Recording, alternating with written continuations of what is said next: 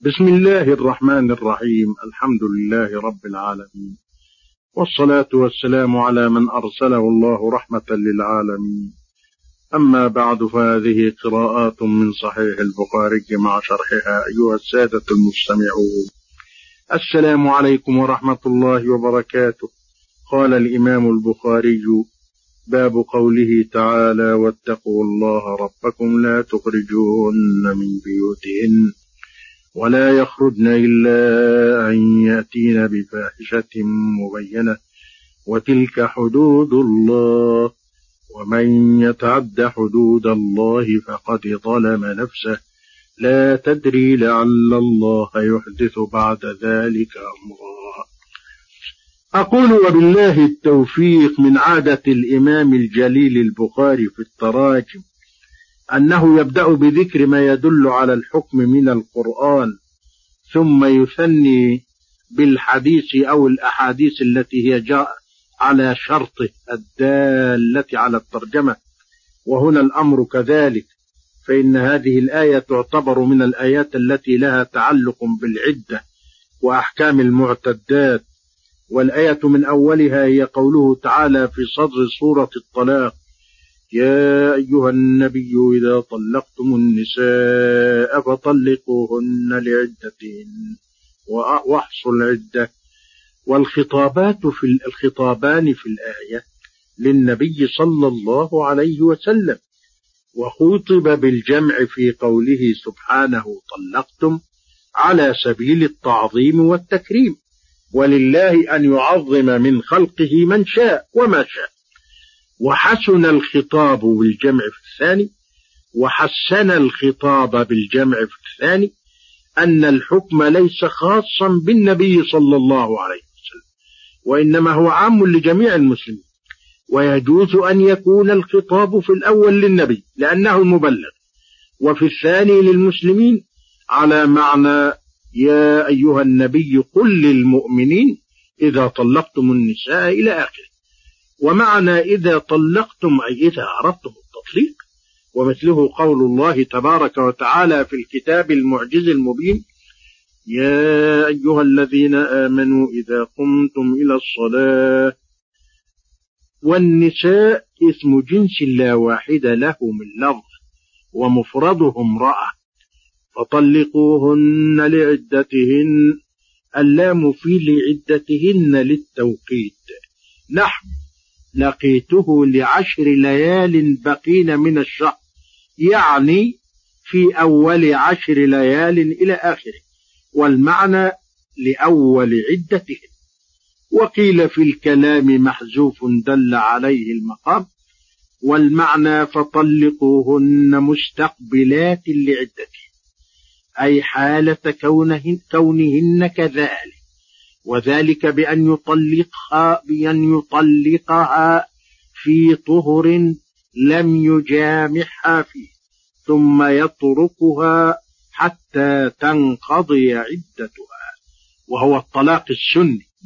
ولما طلق عبد الله بن عمر رضي الله عنهما امرأته في الحيض فأخبر عمر النبي صلى الله عليه وسلم بذلك. فأمره أن يأمره بمراجعتها حتى إذا طهرت من حيضتها ثم حاضت ثم طهرت من حيضتها الثانية فهو بالخيار إن شاء أمسكها وإن شاء طلقها في هذا الطهر من غير أن يمسها فيه. فذلك الطلاق للعدة كما كما أمر الله تبارك وتعالى. روى القصة الشيخان البخاري ومسلم. والمخاطب في قوله فطلقوهن هم الأزواج لأنهم الذين بيدهم الطلاق. وأحصوا العدة أي احفظوا الوقت الذي وقع فيه الطلاق حتى تتم العدة. والإحصاء هو العد ومنه قول الله تبارك وتعالى وأحصى كل شيء عددا.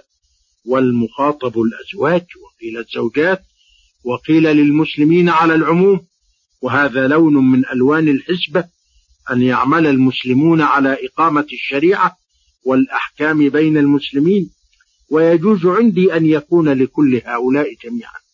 أما الأزواج فلأنهم الذين يهمهم أن يعرفوا أن زوجاتهم حوامل أو حوائل وأما الزوجات فحتى لا تطول عليهم العدة وحتى لا تطول عليهم العزوبة. وأما عامة المسلمين فليكونوا شهداء عند الخصام والنزاع.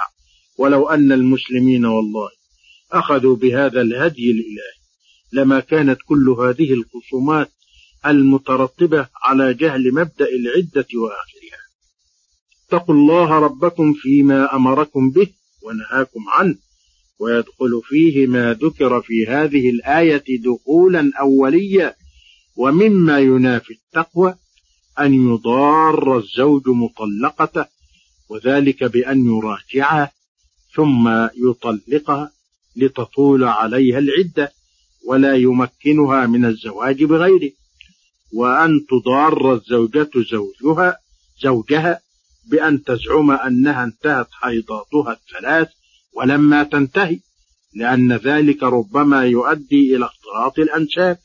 وعدم انتساب الأبناء إلى آبائهم الحقيقيين الشرعيين أو أن تدعي أن حيضتها لا تأتي كل شهر وإنما تأتي كل شهور لتطول العدة.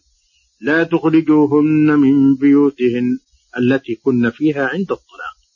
ما دمن في العدة وأضيفت البيوت إليهن لأنها موضع سكناهن وليس المراد أنها ملكهن لأنها غالبا ملك الأزواج. وأيضا فلبيان كمال استحقاقهن للسكنى فيها طوال العدة ثم لما نهى الله تبارك وتعالى الأزواج عن إخراج إخراج الزوجات المعتدات من البيوت التي اعتددن فيها نهى الزوجات أيضا عن الخروج منها إلا لضرورة. فقال تعالى ولا يخرجن ثم من العلماء من حمل الآية على المطلقات المعتدات سواء أكن مطلقات طلاقا رجعيا أم بائنا ومنهم من حملها على المطلقات الرجعيات دون البائنات وقد أجمع العلماء على وجوب السكنى والنفقة للمطلقات الرجعيات واختلفوا في المطلقات البائنات على أقوال. فذهب الإمام أحمد وآخرون إلى أنها لا نفقة لها ولا سكنها بمقتضى حديث فاطمة بن غير وذهب بنت قيس وذهب الإمام أبو حنيفة وصاحبه ومن تبعه إلى أن لها النفقة والسكن. وذهب الأئمة مالك والشافعي ومن تبعهم إلى أن لها السكن أما النفقة. فإن كانت حاملا فلها النفقة. طيلة مدة الحمل. وإلا فلا نفقة. وقد اختلف الفقهاء أيضا في خروج المطلقة طلاقا بائنا والمتوفى عنها زوجها. فمنهم من أجاز خروجها لقضاء حاجتها وزيارة أهلها ومنهم من منع من خروجها ومنهم من فرق بين المطلقة طلاقا بائنا والمتوفى عنها زوجها. قال الإمام أبو حنيفة تخرج المتوفى عنها زوجها نهارا ولا تبيت إلا في بيتها ولا تخرج المطلقة ليلا ولا نهارا. وقال محمد بن الحسن صاحب أبي حنيفة لا تخرج المطلقة ولا المتوفى عنها زوجها ليلا ولا نهارا في العدة. وكان مالك يقول المتوفى عنها زوجها تزور وتقيم إلى قدر ما يهدأ الناس بعد العشاء ثم تنقلب إلى بيتها وهو قول الليث والشافعي أحمد. إلا أن يأتين بفاحشة مبينة.